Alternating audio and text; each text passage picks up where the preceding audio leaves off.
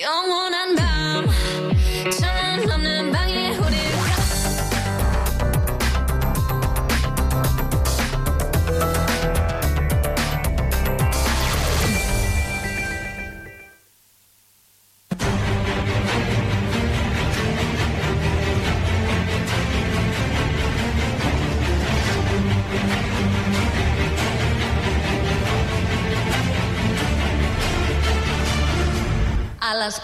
Troia, amb Alberto Reche, Sergio Rodríguez i Albert Abril.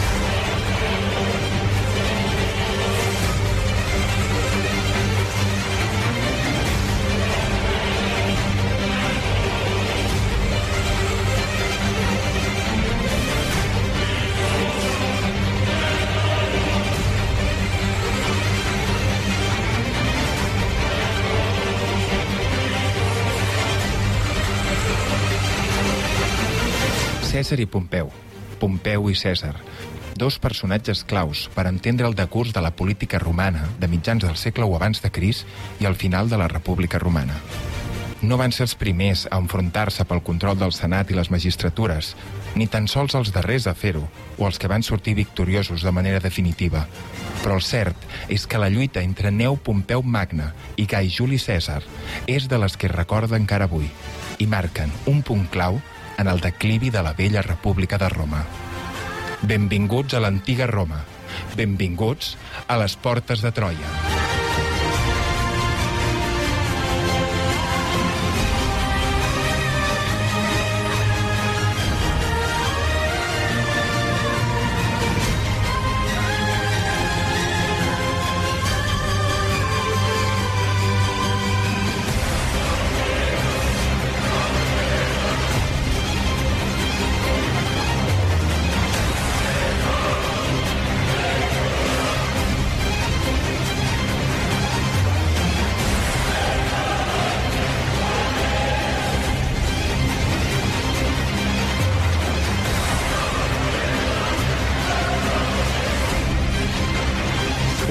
Benvingudes una setmana més a les Portes de Troia, el programa de ràdio història des dels estudis de uh, Ràdio Castellà de la xarxa de comunicació local.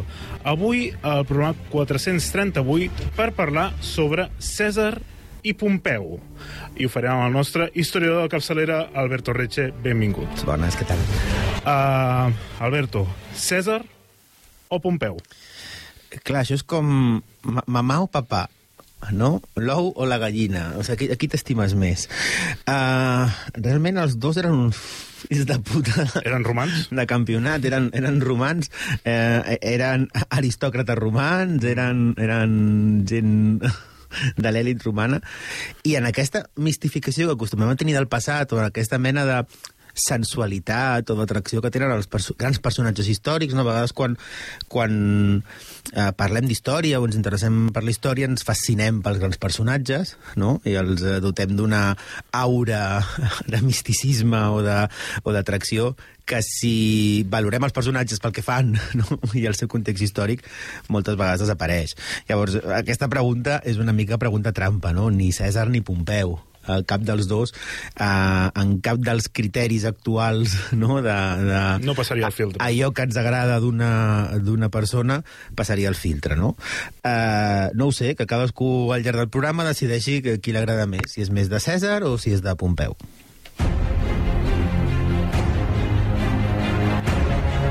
Segueix-nos a facebook.com barra Portes de Troia o a Twitter arroba Portes de Troia. Descarrega't el podcast des d'iBooks o iTunes.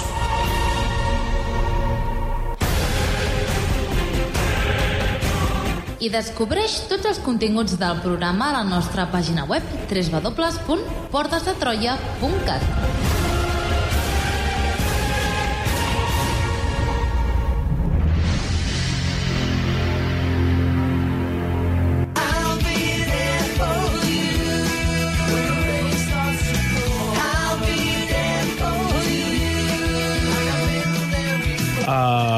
Alberto, comencem amb Friends. Uh, vols comentar una miqueta per què comencem amb aquesta cançó tan emblemàtica? Bueno, uh, preparant el programa no, no podia treure'm del cap la, la conya del, del Polònia de, de Macià i Companys amb la, amb la cinta de Friends i jo pensava que César i Pompeu també em quadrava. César i Pompeu... Així però, així però afinat. així que, bueno, si els nostres oients volen, volen fer com l'Albert uh, i, i, I cantar la intentar-ho. sintonia, i cantar la sintonia. Però, bueno, veurem, ja decidirem si molt amics o, o, o poc amics eren uh, César i Pompeu, però, uh, bueno, al llarg del programa d'avui pues, intentarem, intentarem esbrinar-ho. Molt bé, uh, comencem, doncs, el programa d'aquests dos grans amics, o no? Uh, si et sembla, situant-nos cronològicament. Uh, entre quines dates ens mourem, Alberto? Bueno, doncs estem una mica en, al final de l'antiga República Romana, en el moment en el que comença a convertir-se en, en un imperi. No en un imperi galàctic, com, com en Star Wars, però sí que estem en un, en un moment molt semblant. No? Les velles institucions de l'antiga república comencen a encaminar-se cap, a, cap a una concentració del poder en, en base a, a certs personatges que aniran cada vegada més erosionant les institucions eh, fins a arribar a la, a la figura clau d'Octavi August, no? que serà el primer que, que, que se'n surti. Llavors, pel programa d'avui ens mourem entre mitjans de la dècada del 80 abans de Cris i la dècada del 50 abans de Cris, no? Podríem triar altres dates, podríem triar altres personatges, si podríem haver fet un programa no de César i Pompeu, sinó de Mari i Sula, o podríem fer un programa uh, uh, de, de Marc Antoni o Octavi, no? o, de, o de Cató, o de, o de Ciceró, o de, o de tots aquests personatges tan entranyables. I simpàtics. Però, I simpàtics, sobretot. Simpaticíssims, com a, mm -hmm. com a bons romans, que eren eren molt bona gent. Molt bona T'imagines gent. un foraster de romans? Hòstia. Uh, avui, hola, gent d'Emèrita Augusta, sou molt bona gent. No? I la gent allà dient... Qui, qui, Qui- qui ets? Quin idioma parles? Uh, en qualsevol cas, uh, ens mourem en aquests 30, 30 i pico anys de, de mitjans o de la primera meitat del, del segle o abans de Cris i coneixerem no, aquests dos protagonistes del programa. Avui, jo crec que si hem titulat el programa César i Pompeu, el més lògic és que comencem per Pompeu, no? per no fer-ho per no fer-ho cronològic. Uh, ens vols fer una headline del senyor Pompeu? Bueno, crec que ja és con- conegut, potser dels dos és el menys conegut, no? perquè la figura de César ja ho veurem, uh, ho, ho, ho aspira tot, no? és un d'aquells personatges que fins i tot la gent que no sap res d'història sap, qui, és. Juli César, no? és, el, és el dolent d'Astèrix, és l'inventor de l'amanida, que és, és un home que, que tothom li posa cara encara que no sàpigues qui és. No? Uh, L'altre personatge, amb el que començarem aquesta primera part del programa, és uh, el seu gran an, uh, antagonista, uh, ni més ni menys que Neu Pompeu, i anys després, al llarg del programa d'avui, eh, adquiriria el seu sobrenom eh, el Gran, no? Neu Pompeu el Gran. Pompeu, un dels grans personatges de finals de la República Romana. Què hem de saber d'ell? Bueno, Pompeu provenia d'una família del nord d'Itàlia que, tot i no ser de rància tradició senatorial, eh, sí que havia aconseguit durant la vida del seu pare, sobretot, Neu Pompeu Estrabó. Ja sabeu que els noms romans eh, ho tenen tot malament, no? Són pesats, també, i no mai saps qui és el pare. I el fill? No tenen el mateix nom, eh, has de, has de distingir-los pel, pel malnom, no? Pues el pare de Neu Pompeu el Magne serà Neu Pompeu Estrabó, no? que havia aconseguit fer-se un lloc a la política romana gràcies a la, a la seva riquesa familiar, no? tenia una riquesa econòmica però no una riquesa política, i sobretot a seguir no? aquesta cosa tan romana que és el cursus honorum, que és aquesta, cursus honorum. aquesta, uh, aquest camí dels honors no? que uh, portava no? a l'ascens, magistratura rere magistratura, fins a arribar al Senat. Uh, el pare de Pompeu va ser uh, qüestor primer, després pretor, i fins i tot va arribar uh, a ser cònsul l'any 89 abans de Crist, tot i que per ell era, no era l'any 89 abans de Crist, uh, perquè podia tenir moltes virtuts però no era de ser endeví. Uh, i el tenim no, eh, encaramat a la més alta magistratura possible, no, que era també la que, entre altes, t'obria la porta al Senat. I el nostre Pompeu, el Pompeu que ens interessa avui, eh, seguirà els passos del seu pare, imagino. Bé, si ell de, de ben jove ja es vincula a la política, gràcies a la influència de, de son pare, eh, i si fem una mica de memòria, potser parlem menys de l'imperi... Pensem menys en l'imperi romà que la majoria d'homes. Pensem en la República Romana? Eh, home, si has de triar alguna època, la República Romana està, està guai. Si s'ha de triar alguna època de l'imperi romà, eh, mola la República Romana i mola molt la, la tardoantiguitat. Al final, de, quan els romans ja deixen de ser romans i sent coses molt, molt més, molt més kitsch i molt més interessants. Mhm. En qualsevol cas, si fem memòria d'aquells convulsos anys de principis del segle I abans de Crist, no? eh, ens trobem que políticament a Roma és impossible no, perdre, no prendre partit eh, a les disputes que s'estaven donant entre dos, no partits polítics, perquè ni molt menys estem en un escenari de partits, però sí en, en, en dos sensibilitats, en dos xarxes, en dos grups, en dos bàndols, que eren el, el bàndol dels populars i els optimats. Mm. Eh, encara, Populars, que, eh? encara que hi hagi bàndols... Eh, encara que a la política espanyola actual existeixen encara els populars, no tenen res a veure amb, amb aquests populars, són igual d'impopulars. en qualsevol cas, eren els dos bàndols en què s'havia dividit l'aristocràcia romana.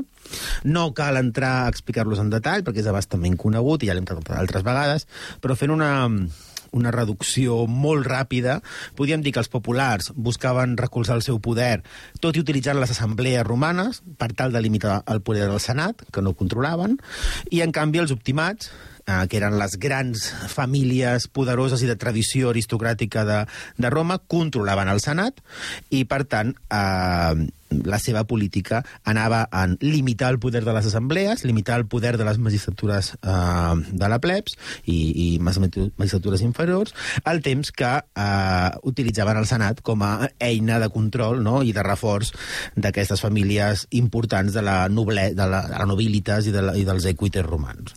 Molt bé, i com estava aquesta disputa que ens has plantejat fa un moment entre populars i optimats en el moment que el jove Pompeu entra de cara a la política? Bé, hi ha dos grans personatges en, en aquest inici del segle eh, o abans de, de Cris a Roma, sobre els quals gravita tota la política romana.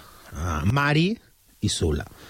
Uh, uh, Mari, uh, cap del bàndol dels, dels optimats, ai, dels populars, havia estat cònsul entre finals del segle II, principis del segle I, moltes vegades. No? El, consulat era una magistratura eh, que només es podia exercir en un any i, en principi, només una vegada a la vida.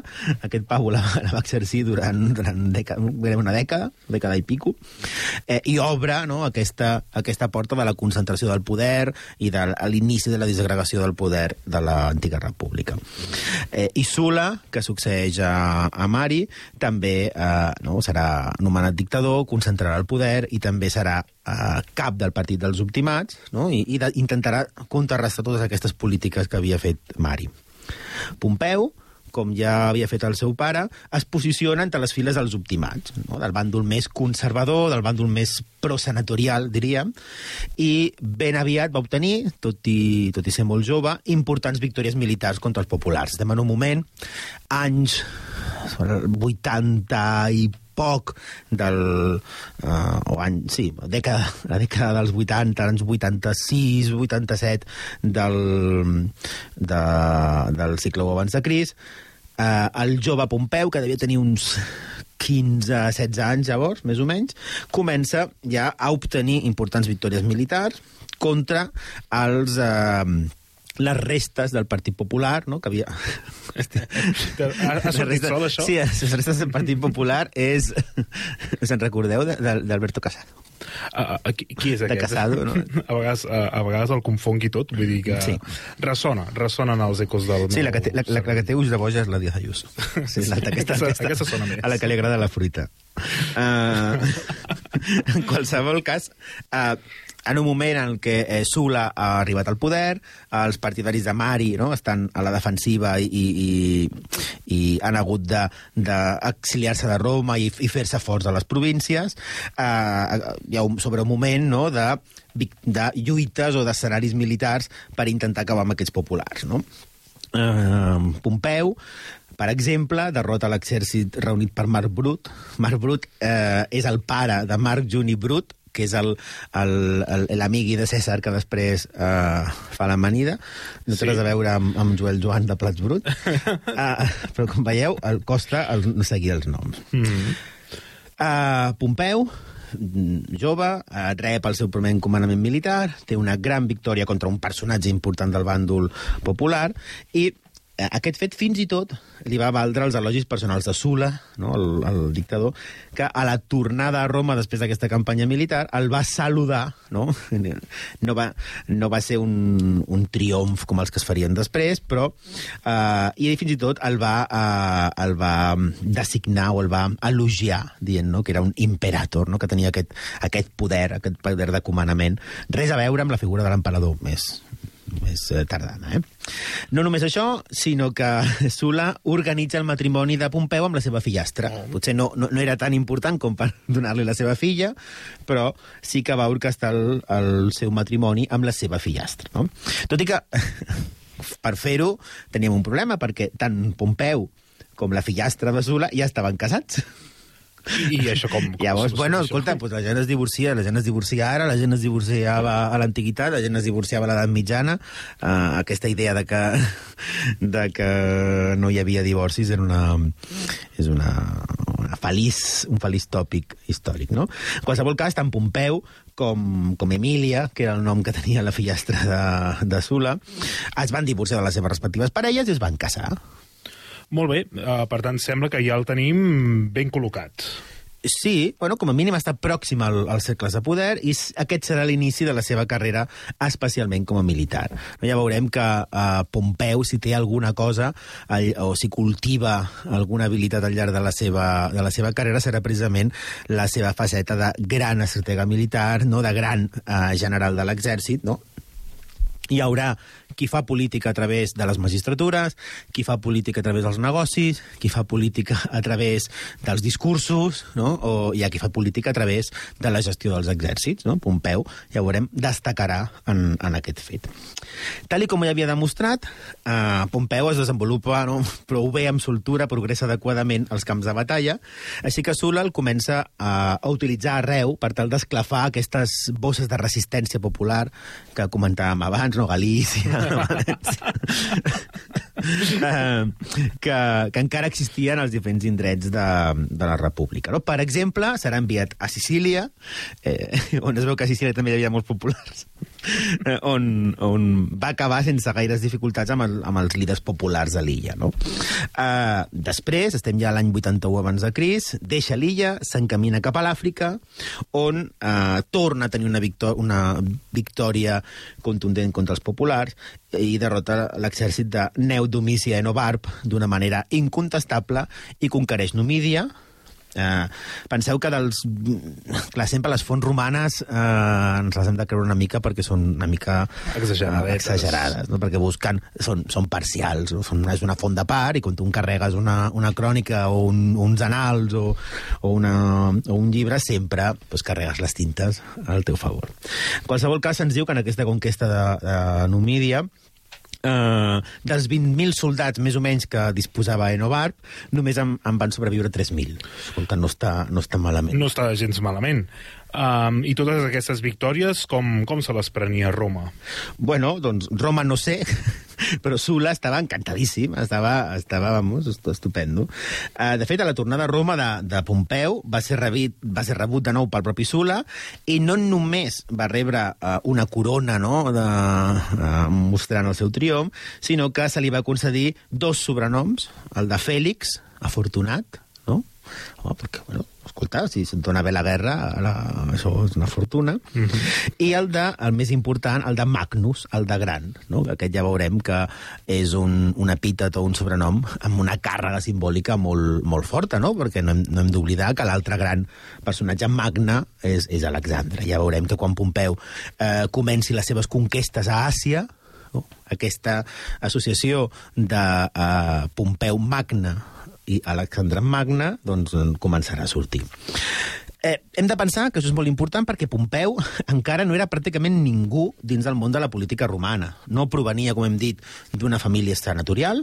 Ell mateix encara no era senador, no? Ell només era un jove militar que havia tingut la fortuna o havia tingut la, havia estat en el joc precís no? o, i en, havia tingut l'èxit precís en un moment molt determinat i ja se li havia concedit una cerimònia de triomf al seu retorn a la capital, que era un dels gestos més significatius no? que es podia concedir a un, a un polític romà.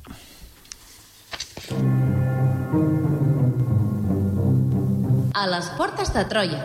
La història a la ràdio. Descobreix tots els continguts del programa a www.portesdetroia.cat.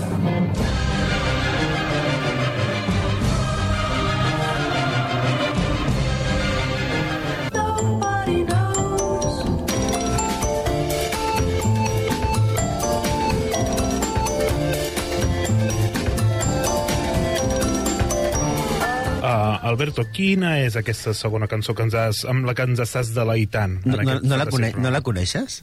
Uh, en el guió diu el nom de la, de la cançó. Bueno, això és, això és la... la a, ara semblaré un expert, però ho he buscat a YouTube. Això és la, la sintonia d'entrada, de, d'entrada, l'opening, de la primera temporada d'Anatomia de Grey. Oh, Sí. I, i, i què, què pinta aquí en aquesta, aquesta cançó? Bueno, doncs, bàsicament, com tothom sap, eh, Anatomia de Grey està protagonitzada per una, per una actriu eh, de nom Ellen Pompeo, i llavors, pensant en músiques que, que uh, poguessin relacionar-se amb Pompeu, vaig dir, pues, Ellen Pompeu, Anatomia de Grey. Per qui no la conegui, és aquella senyora amb cara d'haver menjat una pruna. O sigui, una cara com molt, molt del, del supronamant de l'Arale. Vale. Això mo- mo- mola fer referències mig antigues amb tu, perquè com no les coneixes, et pots fer imatges mentals. és que sempre em passa, vull dir, amb vosaltres dos sempre em passa, i és, o sigui, no sabeu quines imatges el meu cervell ha arribat a generar. Bueno, doncs ara no saps que quan parlis de el final de l'antiga República Romana pots eh, pensar en Anatomia de Grey, que és, un, són una sèrie, és una sèrie de metges que, que follen entre si. en Això, això és l'únic que em sona, Sí. Anatomia de Grey. Sí. Uh, en Després, fi, quan arriba el coronavirus, se posen mascaretes, saps? no sigui que pillemos algo. Però, bueno. metges follant amb màscara, perfecte. Uh, abandonem Anatomia de Grey, les persones en, que, que s'hagin menjat prunes, i tornem, si et sembla, a, a Pompeu i a la seva primera tornada triomfant a Roma. Quina serà la seva propera fita? Bé, doncs resulta que passa una cosa no inesperada, perquè ens acaba passant a tothom, però, però sí que en el seu moment eh, trastoca el plan, els plans de més d'un, que és que l'any 78 eh, abans de Crist Sula mor no? I llavors, tota, tota aquesta feliç eh, eh, tota aquesta feliç eh, aventura que els optimats havien tingut governant uns anys a Roma, de nou es posa en qüestió i, per tant, aquest conflicte entre optimats i populars torna a reprendre i torna a sorgir amb força. Eh, Pompeu, durant aquests anys participarà en diferents campanyes en, en el nord d'Itàlia, la Gàlia Cisal- Cisalpina, que és la Gàlia més propera a, a Itàlia, i de totes elles en torna triomfant. Llavors, el Senat, no, eh, una mica preocupat, una mica amb la mosca a l'orella per la fama que està forjant-se Pompeu, penseu que en aquest moment estem vivint cada vegada més la desintegració de les velles estructures d'estat, velles estructures d'estat de l'antiga de l'antiga Roma, no? Cada vegada les institucions tenen menys pes i cada vegada hi ha personatges que estan patrimonialitzant o estan, uh, estan aprofitant-se, no? Estan gestant un poder més personal un poder eh, delegat, no? I dins d'aquests personatges que estan concentrant el poder, els generals victoriosos de l'exèrcit cada vegada tenen més poder, no? Perquè és el que passa sempre. Eh, si tu ets un general en actiu durant molts anys, victoriós, que reparteixes botí, que guanyes batalles, que guanyes... Eh, que conquestes territoris, que reps triomfs, que guanyes fama, eh, els soldats aquí segueixen, no? A, a una hipotètica eh, república romana de senyors grans vestits amb, amb, Amb llençols o, o... Mai sé que em porten a sota. Ah, No sé. un altre programa, Alberto. Sí. No? T'imagines, no? A, a, a Ciceró dient-li a, a, a Marc Antoni no, perquè no es portaven bé, no? Però Ciceró dient-li a un col·lega eh, no sé si, si portes les claus o, o, o t'alegres de veure. No? Per, to, de cop i volta l'antiga Roma perd tota la seva... Esplendor. Tota la seva, bueno, no, Imperial. Potser, no, és que justament en aquest moment potser també Ciceró estava en tota la seva... Tota la seva en, qual, en, qual, en qualsevol cas la fama que s'estava forjant Pompeu preocupa el Senat, no? en aquest moment no? de, de disgregació del bàndol optimat, i el Senat decideix dissoldre l'exèrcit de Pompeu un cop acabat aquestes lluites eh, a la Galècia Salpina, prop d'Itàlia. Ah, I Pompeu dissoldrà el seu exèrcit? ja et pots imaginar que no, no? Eh, allò que després, quan parlem en algun moment de, de Juli César i, i, i parlem d'aquell episodi conegut per tothom, no? quan César i la seva legió creu el Rubicó dient desafiant, no volem dissoldre el seu exèrcit, com si fos una cosa que ningú hagués fet mai, però resulta que 20 anys abans Pompeu ho havia fet, no? Uh, Pompeu sap que la lluita no ha acabat, no? per exemple, encara hi ha una gran bossa de resistència uh, popular a Hispània, no? L'exèrcit de, de Sartori, de Quint Sartori, i, i per tant Pompeu diu eh, segur que el Senat vol enviar un exèrcit contra Sartori a Hispània, eh, si jo no dissolc el meu exèrcit i estic per allà pol·lulant no, amb les tropes gestes eh, eh, a mig camí entre Roma i, i Hispània, el més normal no, és que eh, els meus partidaris a Roma aconsegueixin eh, que se m'assigni a mi aquesta campanya. No? I, per tant, és eh, just el que farà. No? Eh, Pompeu espera que l'encarreguin aquesta lluita a Hispània contra Quint Sartori. Eh, Sartori, a més, era no només un caldí popular, no només era popular, sinó que feia les coses bé, havia infligit severes derrotes a l'exèrcit optimat que s'havia enviat a Hispània per sotmetre, no? l'exèrcit comandat per Matel Pius, eh, i, per tant, Pompeu, amb diferents excuses, demora la dissolució del seu exèrcit, mentre espera, espera esperant, escombrant la seva escaleta, eh, espera que la situació doni un gir favorable als seus interessos. I aquest gir, aquesta mm, finestra d'oportunitats arribarà? Eh, sí, no? La, les victòries de Sartori acaben convencent el Senat per tal d'enviar Pompeu a Hispània, no? I eh, eh, Pompeu diu, vale, estic preparat, en poc més d'un mes ja viatjava cap a la península ibèrica amb més de 30.000 homes, estava preparadíssim, era, era Pompeu el preparat. No, uh, preparat. no és moment per aturar-nos en aquestes campanyes, que van durar 4 anys, només saber que de nou la victòria de Pompeu va ser uh, incontestable.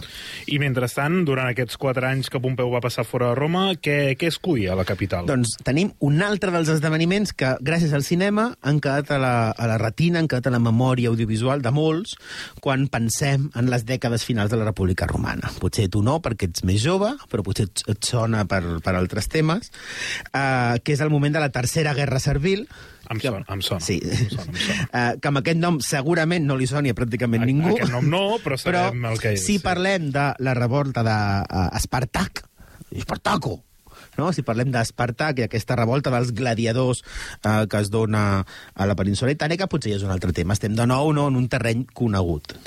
I serà Pompeu qui derroti a la rebel·lió d'Espartac? Doncs no. Aquest mèrit recaurà en un altre personatge important de l'època, Marc Licini Cras, eh, famós després perquè serà un dels altres tres mem dos membres de... O, bueno, era el membre dels tres membres del triumvirat amb, amb Cesar i Pompeu. Mm. Eh, I Marc Licini Cras serà el que, eh, amb la seva pasta, amb el seu exèrcit, amb, amb la seva suor i no sé si amb les seves llàgrimes, derrotarà eh, a, a Espartac. No? Tot i que, és interessant, Pompeu, en una acció una mica troll, li va arrebatar a Cras eh, la glòria de l'assumpte i, i s'odiaran eternament que, eh, per això, no? Resulta que Marc Licini Gras derrota Espartac, sufoca la revolta, i un cop derrotat Espartac, les restes del seu exèrcit fugen per continuar la lluita, i Pompeu, que estava tornant d'Hispània, arriba amb el seu exèrcit en el moment just per eliminar-los. I llavors anava dient a tothom que, bueno, vale, que Cras havia derrotat Espartac i tot el que tu vulguis, però que si Pompeu no arriba a arribar a temps i a intervenir, la guerra hagués continuat, no s'hagués acabat i que, per tant, la victòria, la victòria de la guerra és seva, que va arribar de passar a l'últim moment, no? Una mica imbècil aquest Pompeu, no? O què, Alberto? Bueno, o sea, imagina't el tenir- tenir-lo com, a, com a company de feina, no? Uh, en qualsevol cas, no és banal perquè el que s'està el que està en disputa és el prestigi militar. I, per tant, eh, si el prestigi militar dona poder polític, no? decidir qui es presenta com a guanyador de les batalles i guanyador de les guerres és fonamental. La cosa no va arribar més, no va anar més, no va arribar la sang al riu, bàsicament perquè eh, Cras eh, volia una cosa que no podia aconseguir sense Pompeu, que era eh, ser cònsul, ser triat cònsul eh, aquell any, eh, per l'any 70, eh, abans de Cris, i sabia que sense el suport de Pompeu i el, i el seu bàndol, no? I, el seu, i els seus col·laboradors, era impossible sortir triat cònsul. Eh, de fet, ja sabeu que cada any eh, es trien dos cònsuls que es reparteixen el, el poder, i eh, Cras resulta que eh, vol ser cònsul nomenat l'1 de gener de l'any 70 i és el moment en què tot just Pompeu acaba de tornar d'Hispània de, arriba a Roma a, a desembre, i al desembre cenem, celebra el triomf per la seva campanya militar a Hispània. Eh, Cras calla la boca no? pel tema d'Espartac i, de la, i, de la guerra, i de la guerra contra els gladiadors, eh, esperant que Pompeu eh, l'ajudi, no? el permeti ser cònsul, i, i Pompeu arriba i diu, vale, tu seràs cònsul perquè jo també seré cònsul, no? I Pompeu i Cras eh, que no s'aguanten gaire, els dos coincideixen com a cònsuls l'any l'any 70. Molt bé, ara sí, ja el tenim al cim del poder. Uh, com serà el seu consulat? Bueno, hem, hem de pensar que l'arribada de Pompeu al consulat va ser molt polèmica, però molt polèmica, no? Ja que no complia pràcticament cap dels requisits legals que havies de complir per presentar-se, per presentar-te per ser cònsul. Per exemple, no tenia l'edat legal per fer-ho. Es marcava una edat mínima per ser cònsul i Pompeu era més jove. Eh, no complia el currículum. Tot i que, bueno, això, veus, en això semblava molt més popular que optimat, no? En això. No havia fet bé el curs no, de la rumba. devia tenir algun màster a- als Estats Units o alguna cosa, de, un, un MBA o alguna cosa d'aquestes. uh, no havia ocupat les magistratures prèvies que donaven accés a poder presentar-te com a cònsul. I ni tan sols era un candidat elegible perquè en aquell moment uh, un dels requisits uh, era estar físicament a Roma per, per, per presentar la teva candidatura. I ella estava dirigint un exèrcit tornant d'Hispània, no? Mm. Però tot això no importava, perquè Pompeu era, eh, com Ellen Pompeu d'Anatomia de Grey en el seu moment, l'home, bueno, l'home no, la de moda, i les seves constants victòries militars li donaven tota la força, tota la raó i tot el prestigi que necessitava per arribar a ser cònsul. No? I, de fet, durant eh, el seu any de mandat va, va enfrontar-se diverses vegades als senadors més conservadors i fins i tot va arribar a fer coses aparentment um, bastant colpidores. Pro, pro, progrés? No, no progrés, no, no, no era un, un d'aquells que quan arriben les eleccions es treu la corbata. Ei. Uh, però sí va arribar fins i tot a abolir algunes lleis imposades per Sula, que en teoria era el seu mentor. I què farà després de deixar de ser cònsul? Que, com ja has avançat abans, és un càrrec que en principi només pots ocupar un any. Doncs sí, en aquesta època de la República ja està bastant instituït que pots anar repetint mm, amb anys de diferència, però normalment quan acabes de ser procònsul, eh, normalment, com ja... Eh, eh, és una idea com ara, no? Quan ets president del govern o, o ets ministre, quan acabes eh, et donen un, un lloc al Consell Europeu, et donen un, no? la direcció de, del, del Banc Central Europeu, alguna merda d'aquestes, no? Eh, la tradició o la pràctica habitual era, era que eh, fossis procònsul, no? que se t'enviés a governar alguna, alguna província on guanyessis pasta, on poguessis extorsionar els indígenes no? I, i, i fer negocis.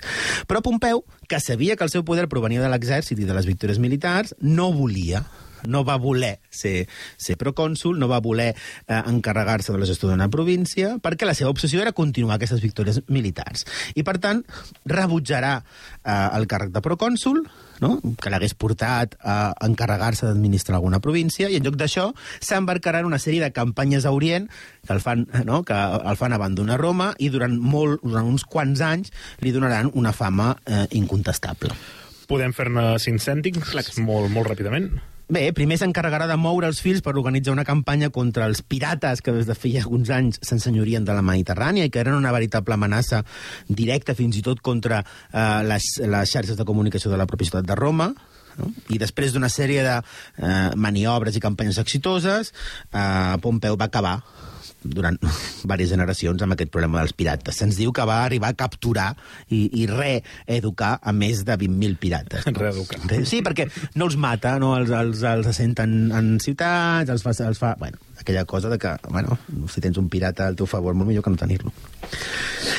No entrarem tampoc a batallar les següents campanyes militars de, de Pompeu, però sí que en farem una llista, perquè qui tingui curiositat, o per si algun dia això que fem de no prometre programes, va fer la guerra i no l'amor contra Mitridates quart d'Eupator, no? en, la, en, en la quarta guerra mitidràtica. Nosaltres ja vam dedicar un programa a Mitridates, no? va venir el Roger Riera a, a parlar-nos del personatge, però aquesta... Uh, no, no sé si va ser Roger Riera o Borja Antela, i si no que- si no que però algú, torni, algú, que torni, no passa algú, res. algú va venir. Um, exis, existiran diferents guerres mitidràtiques, no? perquè hi haurà diferents governants que es diran Mitrídates. Uh, Pompeu uh, lluitarà a la quarta guerra mitidràtica. Després la uh, encadena amb una campanya contra Armènia. Eh? Després amplia les fronteres romanes a Síria, lluita a Síria, Fenícia, a la Capadòcia, i fins i tot, no, en, en, en aquesta tournée asiàtica arribarà a, a sufocar una revolta uh, jueva uh, i a posar setge al, al temple de Jerusalem. Uh, Déu-n'hi-do, no està gens... Uh, no té temps lliure, aquest senyor. Eh, doncs no, sembla que està o, ocupadíssim, no? Uh, però, si us sembla, ja hem parlat molt de Pompeu, ens hem fet un, un far de Pompeu, el deixem aquí, a l'any 62, 61 uh, abans de Cris, en el moment en què decideix tornar a Roma, després d'aquests anys de victòries militars constants a Orient, i passem, no, en el que ens queda de programa, en els 20 minuts que em queden de programa, a parlar de l'altre per gran personatge del programa d'avui, que és Gai Juli Cèsar. Som-hi. Uh, fem la pregunta que potser no caldria fer. Qui és Gai Juli Cèsar? Bueno, com dèiem abans, és un d'aquells casos de la història eh, en què el personatge ha devorat a la persona, no? Tothom ha sentit parlar de Juli Cèsar i qui més qui menys té una estampa mental feta sobre el personatge, n'ha vist algun bust, n'ha vist eh, la imatge eh, Castella i Astèrix, no? Bueno, intentarem ser objectius i senyir-nos als fets. És un personatge que ja en la seva pròpia vida va cultivar molt no? la, la, la fama o l'autofama. Eh, escrivia, va escriure sobre si mateix en tercera persona, no va relatar les seves pròpies... Era com una mena d'Anna Obregón eh, explicant les seves memòries. No? Eh, no sé si arribava a fer posats de- d'estiu de, en biquini, jo crec que no, però si ho hagués fet segur que estava molt bé, perquè César estava, estava tot buen horro, com ens diuen els llibres que ell mateix pagava de si mateix. No? però això ho feia tothom. Llavors, quan veus el, uh, el seu hereu polític, que és, que és Octavi August, que és, que és l'emperador August, que quan, quan es feia estatues a si mateix se les feia amb, amb, amb la cuirassa musculada, no? Si vos que els veieu l'August de prima porta, eh, la cuirassa té músculs, no? Això, eh, els envejosos diran que és Photoshop. En, qualse, en, qualsevol cas, en qualsevol cas, sens dubte, t'imagines, eh? Començo, Dient- començo a deduir qui et cau millor. August dient, dient aquí sufriendo. eh, a més, va, la- l'August de Prima Porta, la, la, la còpia que s'ha de trobar, la còpia típica que, que veu tothom, uh, va descalç, no? perquè és una còpia feta quan ell ja està mort i llavors simbolitza que, està, que ja ha ascendit. Uh, però això vol dir potser que, que, sí, que es podia haver fet una fotopies, també. Ho té, ho té tot. Ho té, No ho havia pensat mai. O sigui, Sí, sí. no, o sigui, no té Photoshop. que L'August de hagués Porta té, té, té eh, Photoshop Sí. i una fotopies. Perfecte. Sí. Uh, En qualsevol cas, Juli Cèsar, vols afegir alguna cosa més sobre la importància bueno, que és un dels personatge? personatges claus per entendre el final de la República Romana i la deriva que aquesta va prendre uh, cap a la concentració de poder i el desmuntatge de les velles institucions republicanes. Uh, comencem, després de parlar de fotopies i de, i de Photoshop relacionats amb Bueno, no és, no, és, Octavio August. no és la pitjor foto que es podria fer. No, és- ja, ja no, bueno, Segur que no. bueno, uh, comencem, si et sembla, per la, per la joventut de Juli Cèsar. Uh, va ser semblant a la joventut de Pompeu? Bueno, doncs, a diferència de, de Pompeu, Juli Cèsar sí que provenia d'una antiga i important família del patriciat romà, però llàstima, no era una família especialment rica ni especialment poderosa. No? O sigui que era una de les més ràncies, una de les més eh, antigues o de les que podien remuntar-se a la tradició romana més, més original.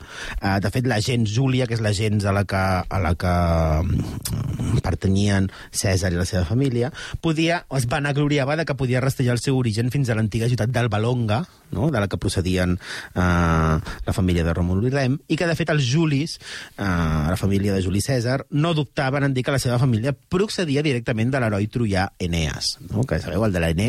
el que després no? el faran protagonista de l'Eneida i tot això. No? Fos certa o no aquesta data, home, jo em decanto a que no és certa, Segurament. Però, bueno, bueno... però a- fos a- certa o els no... o estan no, no, ara no, no jutjarem a ningú, eh? No. Qui, no, qui no ha falsejat, com a bon popular, no, qui no ha... Qui no ha falsejat el seu currículum, no? Sí. Uh, sí, com sigui, el cert és que el jove Cèsar tenia uh, una estrella molt més propera a la que apropar-se en els seus desitjos de poder que no a Eneas o Venus, no?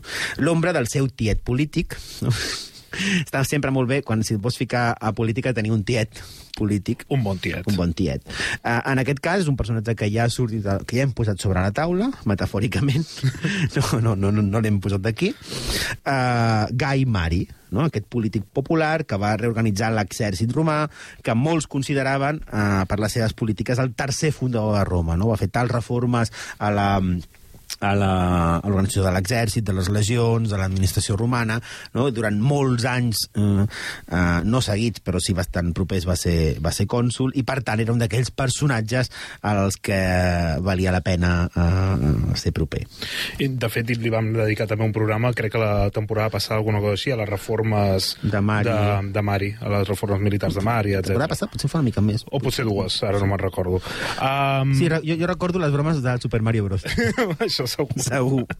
Ah, hem parlat del tiet, de Juli César, però el seu pare va ser important també? Bueno, doncs, no gaire. Ja hem dit que la família de Cèsar era, era antiga, però no gaire reeixida. No? De fet, el, el nostre Cèsar va néixer al barri de la Subura, que és un dels barris més pobres de Roma, i mm, el seu pare per embolicar més la troca, també anomenat Gai Juli Cèsar. Eh, sí. Eh, per tota la èpica, ¿no? Porque tú dius, eh, soy Aragorn, hijo de... eh, o sea, sé cuánto, heredero de Isildur, eh, el hijo de la Paquis i el pequeño. Eh, eh, jo sóc Gai Juli Cèsar, el fill de Gai Juli Cèsar. No, bueno, pues, Ja no... no... pues vale. No és com ser Fe- Felip IV, que és fill de, de Felip III, que era un fill de Felip II, que era fill de, de Felip I, que era fill de Fel, Feli. No? no, arriba un moment que, que no pots més. En qualsevol cas, eh, el seu pare, també Gai Juli Cèsar, va arribar com a molt a ocupar el càrrec de pretor, que està bueno, bastant bé, però com va morir relativament jove no va poder ascendir més a la seva carrera política no? i tampoc va poder ser eh, mai eh, senador o va poder ser un, una figura política de referència pel, pel seu fill, com si ho havia pogut estar, per exemple, el pare de Pompeu, per Pompeu. I Mari, el tiet polític eh, de Juli Cèsar, va ser substituït per Sula al capdavant de, de Roma. Com va afectar això a la vida del nostre segon protagonista d'avui? Bé, Cèsar, en, si Pompeu recull eh, eh, el, els èxits de- d'estar de, del bàndol de Sula, Cèsar patirà, patirà les conseqüències de la seva joventut d'haver apostat pel seu tiet i pels populars. I ja hem vist, quan parlàvem de Pompeu, de la força d'aquest bàndol dels optimats a principis del, del segle I i de la persecució que van realitzar contra els populars després de la mort de Mari. I això com li va afectar? Bueno, doncs Cèsar va començar ben aviat la seva carrera política, en un perfil molt diferent en la seva joventut al de Pompeu, quan amb només 16 anys eh, accedeix, se li concedeix el càrrec de, del flamen dialis, el, els, els flàmines, un flamen és, eh, eren els sacerdots de més alt, eh, uns sacerdots d'alt rang que són els que eh, s'encarregaven de gestionar el culte als diferents déus. No? El flamen dialis eh, era precisament el sacerdot de més rang del culte de Júpiter, que era el déu més important del panteó romà. No? Només amb 16 anys, ja era papa. No? Era una mica... O, o sigui, un alumne nostre ara mateix podria ser... Sí, un alumne teu podia ser el màxim sacerdot del rang de... Eh, més gran, de més alt rang del culte de Júpiter, no? I quan el, eh, li posis un examen que no li agrada, invocar eh, rajos del, del cel i fulminar-te. Eh, no, no seria un, una mala solució per millorar els resultats de l'informe PISA. desatar la ira divina. Home, No? no? seria curiós. Bueno, um, com aconsegueix uh, Júpiter, com aconsegueix Juli Cèsar uh, el càrrec de Flamendialis? Uh, ho aconsegueix gràcies a la seva proximitat a Sina, que era un dels col·laboradors més estrets de Mari, no? i sogre del propi Cèsar, no? perquè eh, Cèsar, precisament, de molt jove, es va casar amb la seva filla Cornèlia, no? amb la, seva, la filla de, de Sina, no la seva pròpia filla, que, el qual seria sort, molt... Sort per l'aclariment, també, però... Gràcies, per si algú, per si algú deia, aquests romans eren tots uns, uns depravats. No? Doncs bé, quan, quan Sul arriba al poder, intenta obligar a Juli Cèsar, per tal de treu, per limitar el seu poder i atreure o atreure el seu bàndol, la, intenta obligar-lo a que es divorciés de Cornèlia, no? la, la filla de, de Sina, i es passés al bàndol dels optimats. No? Tu deixes la teva, fi, la teva dona, vens amb nosaltres, busco una altra dona, te doy una paguita, dono un, un, càrrec i tal. I en un gest no sé si de lleialtat, de d'egocentrisme, de, de joventut, o vés a saber què, Cèsar diu que no. No? I tens els sants collons de dir-li a Sula, el dictador, en el seu màxim moment d'esplendor, en el moment que està represaliant a tots aquells que van en contra seu, eh, li diu que, que no gràcies, que ella està bé casat amb qui està i que no es divorcia, que la seva filla per una altra. I què va acabar passant? Penseu, penseu que Sula a Pompeu li dona la seva fillastra, no? I a Cèsar li volia donar la seva filla. Doncs, què, què passarà? doncs que Sula, que no donava crèdit del que estava passant, dona l'ordre de rellevar Cèsar d'aquest càrrec com a sacerdot, no? Fixeu el poder polític, no? traient sacerdots eh, vitalicis, i eh, no només con- content amb això, va, fer, va contractar una banda de sicaris perquè perseguís a Cèsar per tal d'assassinar-lo, perquè qui cony era aquest, aquest pavo, aquest niñato, que eh, no li feia cas. I com es desencadena tot això als sicaris, Alberto? Bueno, doncs resulta que Cèsar, veient el, veient el percal, va haver de fugir de Roma i durant un temps va haver de canviar d'amagatall eh, cada nit per evitar els seus perseguidors, no? I tot i que al final va acabar traient-se'ls a sobre fent una cosa també molt, molt popular, que és subornant-los. No? Va, va, va fer una mica de transfugisme i quan eh, la nit no, que, que aquests sicaris troben a Cèsar i van a punt de matar-los, els diu, a veure, a veure, però, però quan us paguen per matar-me? Tant, bueno, doncs jo us dono el que tal i us, us pireu. No? I, I, per tant, eh, es desempallega d'aquests sicaris i mentre guanya temps perquè els seus parents, els seus amics, la gent que ha acabat a, a Roma, intercedeixi davant de Sula perquè aixequi aquesta, aquesta prohibició. Llavors, pot tornar a Roma, eh, no ho farà, però eh, penseu que, eh, ja ho hem dit, mm, Sula mor l'any 78 i, per tant, eh, Cèsar, al cap d'uns anys, pot trigar, eh, pot tornar a Roma. En aquest impàs, ell estarà eh, actuant com a llegat de Mar Minuci i Terme a Àsia, participant en el setge de Mitilene i eh, obtenint les seves primeres victòries militars. A les portes de Troia. Descobreix la teva història.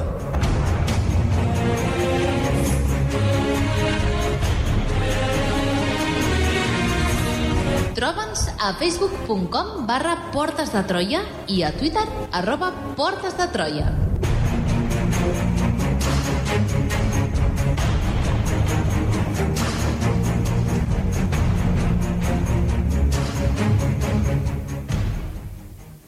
Si cada vez que vienes me convences, me abrazas y me hablas de los dos.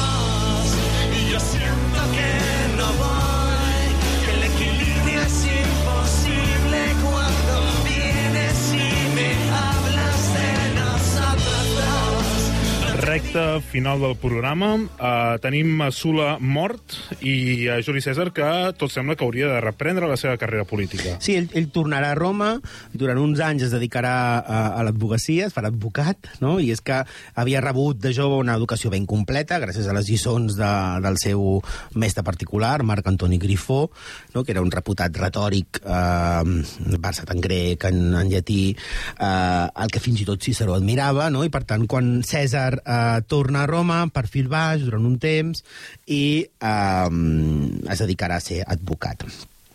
Però ara enllaçarem no? en aquell moment en el que Pompeu i Cras eh, comparteixen consolat ja hem dit que la relació entre els dos personatges eh, havia estat complicada, no? però Cèsar va començar a saber moure's no? entre Cras, que era, que era el seu amic, i Pompeu, no? que era aquell, com, com deia la cançó, no? aquesta col·laboració de Ben Ferreiro i, i Santi Balmes, no? eh, eh, ni s'estimaven ni deixaven d'estimar-se, no? i l'equilibri entre aquests personatges ja veurem que acabarà ser mm, impossible, però eh, Cèsar, a partir de l'any 70, aconseguirà un parell de magistratures claus. La primera és ser qüestor, un càrrec que comportava, per una banda, l'ingrés automàtic al Senat, no? serà qüestió a Hispània, i també el nomenaran edil a Roma, a, estava molt bé perquè ser edil eh, significava tanca, eh, el concejal de fiestes no? i festejos. El regidor de Cultura, Eh, el regidor de no? Cultura, no? Eh, era qui s'encarregava del manteniment dels edificis públics, però sobretot de l'organització de les activitats festives. No? Era el que eh, organitzava les festes de la ciutat i Cèsar serà un molt bon edil, organitzarà una sèrie d'espectacles públics que seran molt celebrats, molt recordats pel poble romà i que li eh, donaran, un, li garantiran una gran fama a la, a, a Roma. I a partir d'aquest moment arribem no, a l'any 59, eh, que és potser el, el moment que tothom té una mica al cap, que és quan eh, es cristal·litza aquest primer triumvirat. Uh, com, bé, com bé ens acabes d'avançar, acabem d'arribar no, en el moment més esperat del programa, el moment en què Pompeu i Cèsar es fan amiguis de veritat.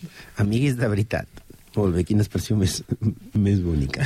T'acabes de treure de la màniga. Totalment, no estava, no estava el guió. Molt bé.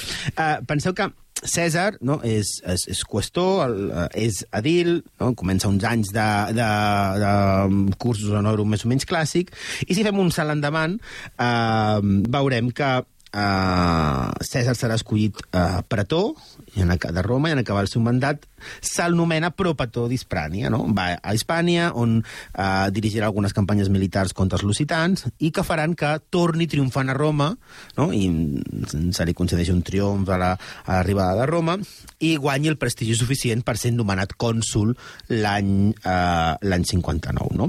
I, per tant, en aquest moment de, uh, de fer-se cònsul a l'any 59, començarà a reconciliar uh, aquests dos personatges. No? Aquest triumvirat és una bona manera, o l'inici d'aquest triumvirat és, és ja, ja intuïu que aquest és potser el primer programa d'algú més, no? perquè no dona temps a tot. Uh, és una, començar a parlar d'aquest triumvirat és una bona manera de tancar el programa. No? Hem vist que tant Pompeu com Cèsar han anat madrant dins de la política romana de maneres ben diferents. El PP, el, el, PP, el primer acumulant triomfs militars i el segon aprofitant l'exercici d'algunes magistratures claus, s'havien anat convertint en figures claus de la política romana i era inevitable no? que o col·laboressin o xoquessin. I qui comença aquest apropament, suposo? Bueno, doncs Cèsar era amic de Cras i hem vist que Cras eh, estava profundament molest a Pompeu des de- des d'aquell consulat que havien compartit l'any 70, no? i Cèsar va eh, enginyar-se-les per intentar reconciliar-los, preveient que els tres podien treballar plegats, eh, donades les diferents virtuts, que ja, ja en parlarem o no, que tenien cada un d'aquests personatges.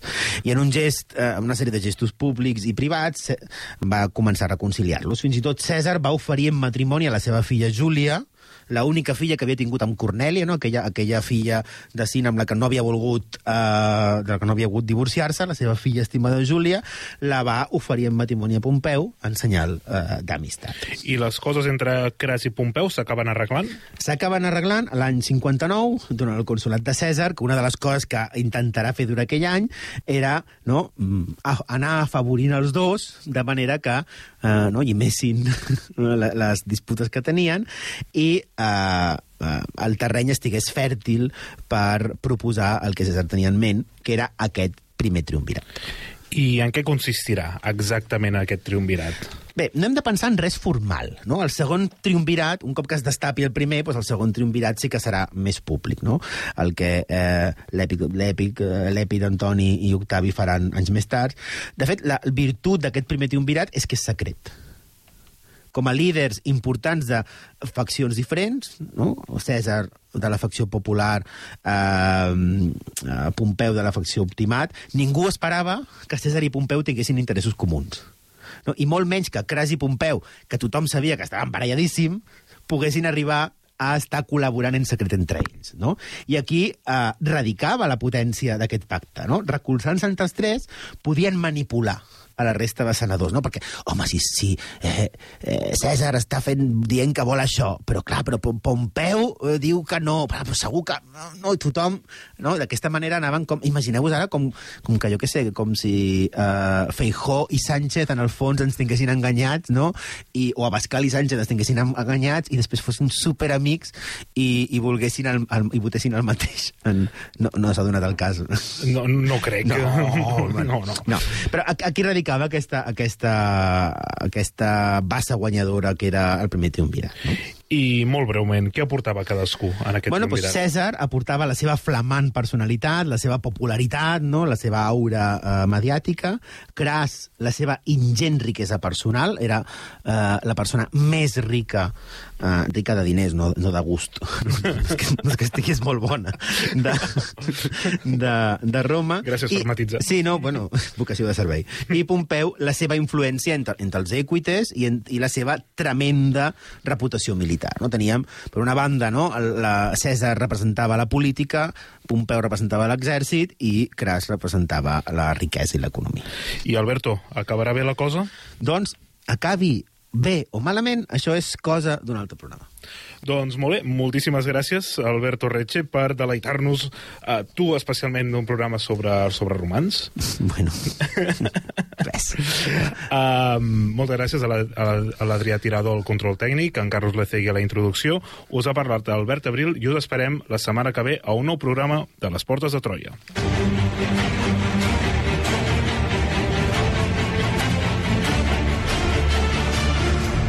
Les portes de Troia, amb Alberto Retxe, Sergio Rodríguez i Albert Abril.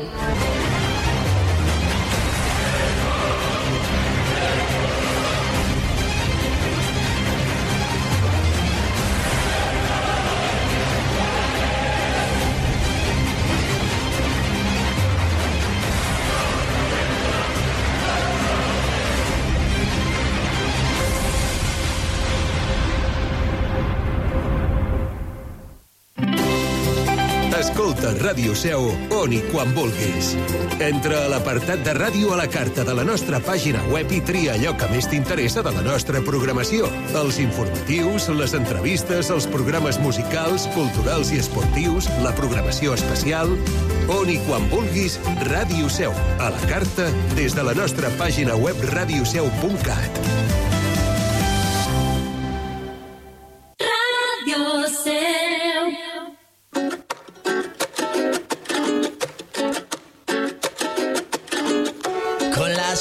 sonrisa que Dios me ha dado y mi manera de caminar, la chulería que yo he adoptado para camuflar la inseguridad.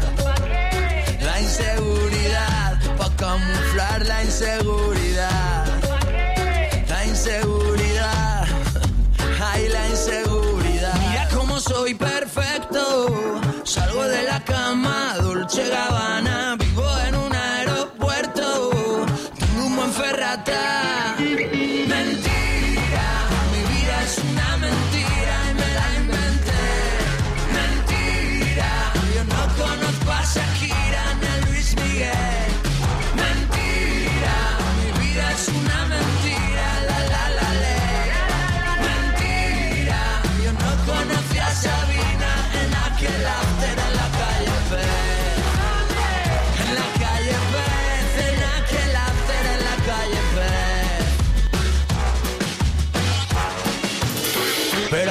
Nadie se entere que aquí todo es mentira. Que me hice pipí en la cama hasta hace 15 días. Que me avergüenzo de mi cuerpo. Solamente fotos del pecho para arriba. Para un momento no me saques de perfil de frente. Que no me gusta mi nariz. Bórrame la mancha y la cicatriz. Y edítame a ver si me veo feliz. Mentira, mi vida es una mentira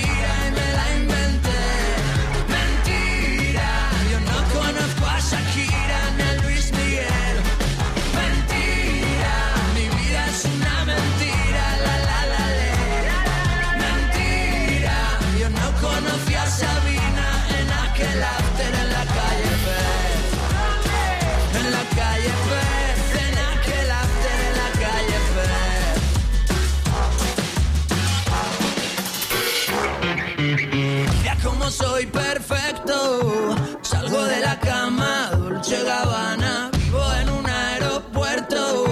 Tengo un buen ferrata.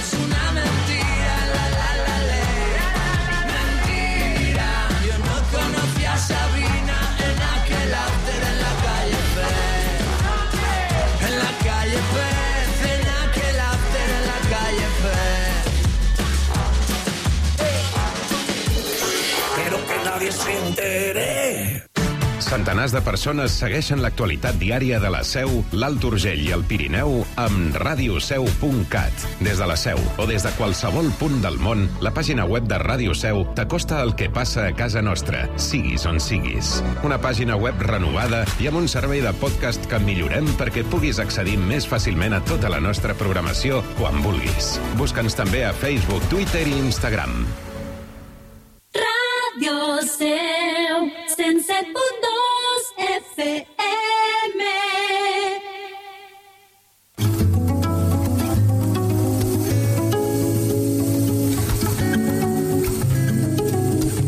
Ràdio Seu FM dona per finalitzada la seva missió en el dia d'avui. Agraïm la teva escolta. A continuació, et deixem amb Catalunya Ràdio.